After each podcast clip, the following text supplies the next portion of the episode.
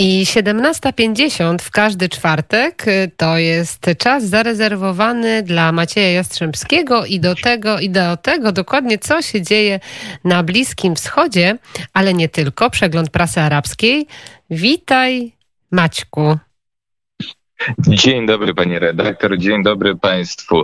E, na Bliskim Wschodzie dzieje się praktycznie wszystko i jest to sytuacja o tyle chaotyczna, że nawet prezydent bliskowschodniego państwa czasami musi przypomnieć o tym, że jest prezydentem i że to on to państwo reprezentuje na zewnątrz. Tak właśnie było w Tunezji e, o czym pisze Al Jazeera. W swoim przemówieniu do obywateli z okazji Jady al-Fitr, czyli święta wieńczącego święty miesiąc Ramadan, Prezydent Tunezji Kais Said e, przestrzegł kontrrewolucjonistów, jak to sam stwierdził, że ich nadzieje na odniesienie sukcesu politycznego są to po prostu mrzonki.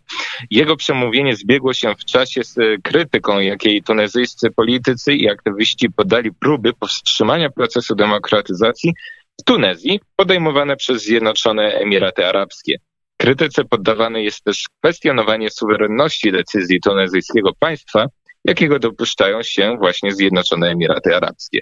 Według krytyków ma się to odbywać poprzez wy, w, wpompowywanie dużych środków w, tunezyjską politykę, tak, aby zrealizowany został scenariusz podobny do tego znanego z wydarzeń egipskich z 2013 roku. A cóż to za wydarzenia? Słowem e, komentarza przypomnę, że w 2013 roku w Egipcie doszło do kontrrewolucji, która doprowadziła do upadku rządu Partii Wolności i Sprawiedliwości oraz prezydenta Mohammada Morsiego, blisko powiązanego z Bractwem Muzułmańskim. Zarówno partia, jak i Morsi zyskali władzę dzięki wiośnie arabskiej, która w Egipcie zaczęła się 25 stycznia 2011 roku.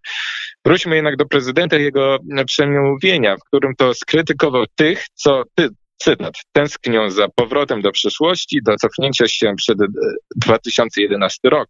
Inni przygotowują się wręcz do zrealizowania tych mrzonek. Jeszcze inni niestety mają w zwyczaju hipokryzję, kłamstwo i kalumnię.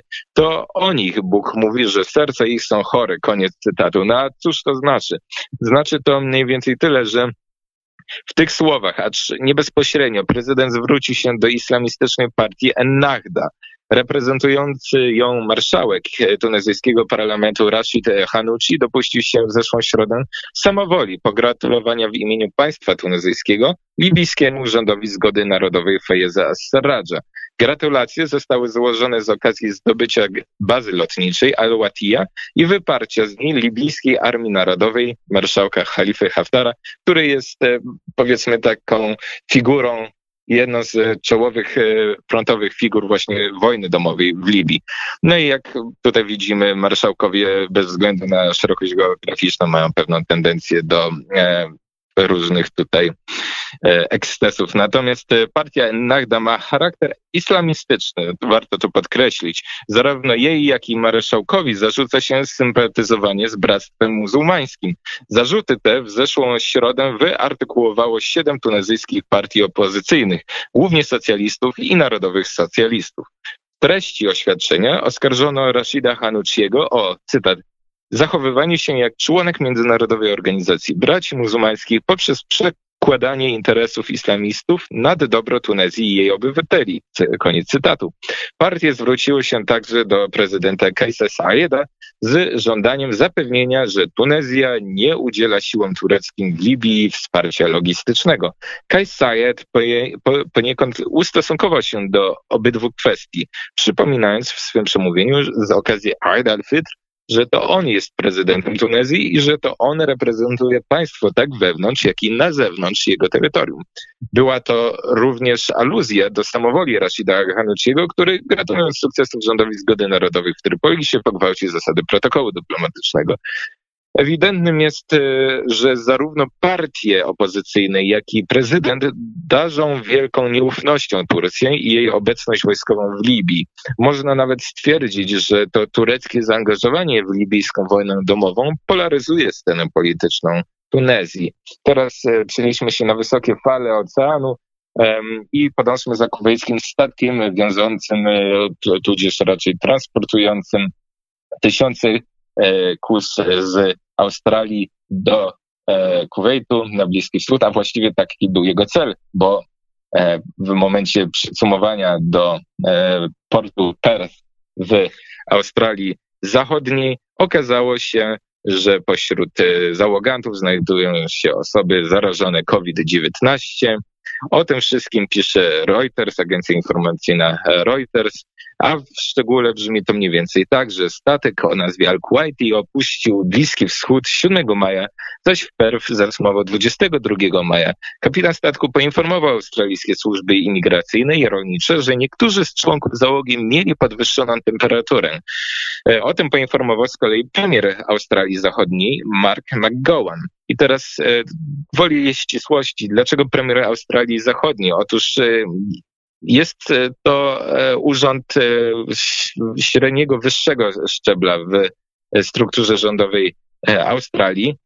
Jest on faktycznie najwyższym urzędnikiem władzy wykonawczej w stanie Australia Zachodnia, będąc jednym z sześciu wchodzących w skład monarchiczno-konstytucyjno-federalnej i federalno-parlamentarnej struktury rządowej Australii. Choć formalnie premiera mianuje faktycznie wyżej sytuowany gubernator, w praktyce zostaje nim automatycznie lider partii lub koalicji posiadającej najwięcej mandatów w izbie niższej parlamentu stanowego. Następnie premier mianuje ministrów tworzących wraz z nim gabinet stanowy. Wróćmy jednak do statku oraz do tych sześciu załogantów, e, których poddano testom na koronawirusa. Jak e, wspomniałem, testy okazały się pozytywne, wobec czego pozytywnego tego właśnie wyniku zostali oni zabrani do hotelów e, celem przejścia kwarantanny. W międzyczasie australijskie siły graniczne wniosły zapytanie, dlaczego pozwolono statkowi zacumować. Premier McGowan wyjaśnia, że jest to niepewne, natomiast e, rząd i administracja dąży do tego, aby statek jak najszybciej opuścił port. Nim Al-Kuwait przybył do Perth, zatrzymał się jeszcze w Hamad Port w Katarze. Celem podróży do Perth jest, e, jak wspomniałem, przyjęcie ładunku tysięcy żywych owiec. Inwentarz ma zostać przetransportowany na Bliski Wschód. Właścicielem Al-Kuwait jest e, Kuwait Livestock Transport and Trading Company.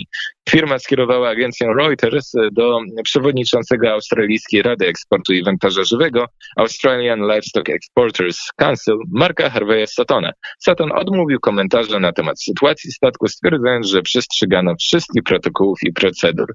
Saton dodał jeszcze, że Rural Export and Trading West Australia planował przetransportować 56 tysięcy owiec na pokładzie Al-Kuwaita, Al-Kuwait do Kuwaitu. E, zobaczymy, jak się to wszystko dalej rozwinie. I na zakończenie informacja od agencji e, rządowej, syryjskiej agencji rządowej Sana, o tym, że e, plony co prawda napływają do spichlerzy, niemniej dochodzi do podpaleń w północno-wschodniej Syrii, do podpaleń pól, Agencja SANA poinformowała o tym, że ukończono zbiór pszenicy i jęczmienia z wynikiem 165 hektarów już obrobionych, już zebrano z tych hektarów e, zarówno pszenicy, jak i jęczmień. Pszenicę zebrano z 5 tysięcy hektarów, a jęczmień ze 160 tysięcy hektarów i o ile jego zbiory mają się ku końcowi, to według lokalnych urzędników na polach pozostało jeszcze dużo pszenicy. Prace związane ze zbiorem pszenicy zaplanowane są na pierwszy tydzień czerwca. Chłopi dokonali zbioru w wyjątkowo szybkim tempie, informuje Sana, w obawie przed e, podpalaczami, którzy od dłuższego czasu pustoszą syryjskie zboże. Ostatnie pożary odnotowano na terenach uprawnych w dystrykcie Abu Rasim na północy prowincji Al-Hasaka. Miejscowi rzucają oskarżenie pod adresem okolicznych kurdyjskich oddziałów syryjskich sił demokratycznych, w skrócie SDF, Syrian Democratic Forces. Podpalone pola znajdowały się wzdłuż linii tureckiego frontu. Podejrzewa się zatem, że oddziały SDF podłożyły ogień w celu zdemontowania i zdetonowania tureckich min rozsypanych po rzeczonych polach uprawnych. Według lokalnych źródeł rolnikom udało się przeciąć kierunek rozprzestrzeniania się ognia, dzięki czemu powstrzymano jego ekspansję na sąsiednie pola. To już kolejny Bardzo dziękujemy. Godzina 8. przez tureckich tak. najemników i amerykańskie lotnictwo. Według Sana Godzina celem rozwiązania pożarów jest pozbawienie ludności źródeł utrzymania, a także zmuszenie jej do współpracy z najeźdźcą. Ponadto wypalanie pól ma na celu podkopanie syryjskiej ekonomii nadwrążonej przez embarga państw zachodnich pod, pod przewodnictwem Waszyngtonu. I tutaj stawiamy kropkę. E, tak Życzę jest. miłego słuchania e, treści na e, falach Radio Wnet. Bardzo dziękuję. Maciej Jastrzębski jak co tydzień z przeglądem prasy arabskiej. Ja już się z Państwem żegnam. Magdalena Uchaniuk, godzina 18, punktualnie już 18.01. I jak y, od poniedziałku do piątku niemalże codziennie podsumowanie dnia, zapraszam już na to, co będzie się przez najbliższą godzinę działo na antenie Radia Wnet i miłego dnia.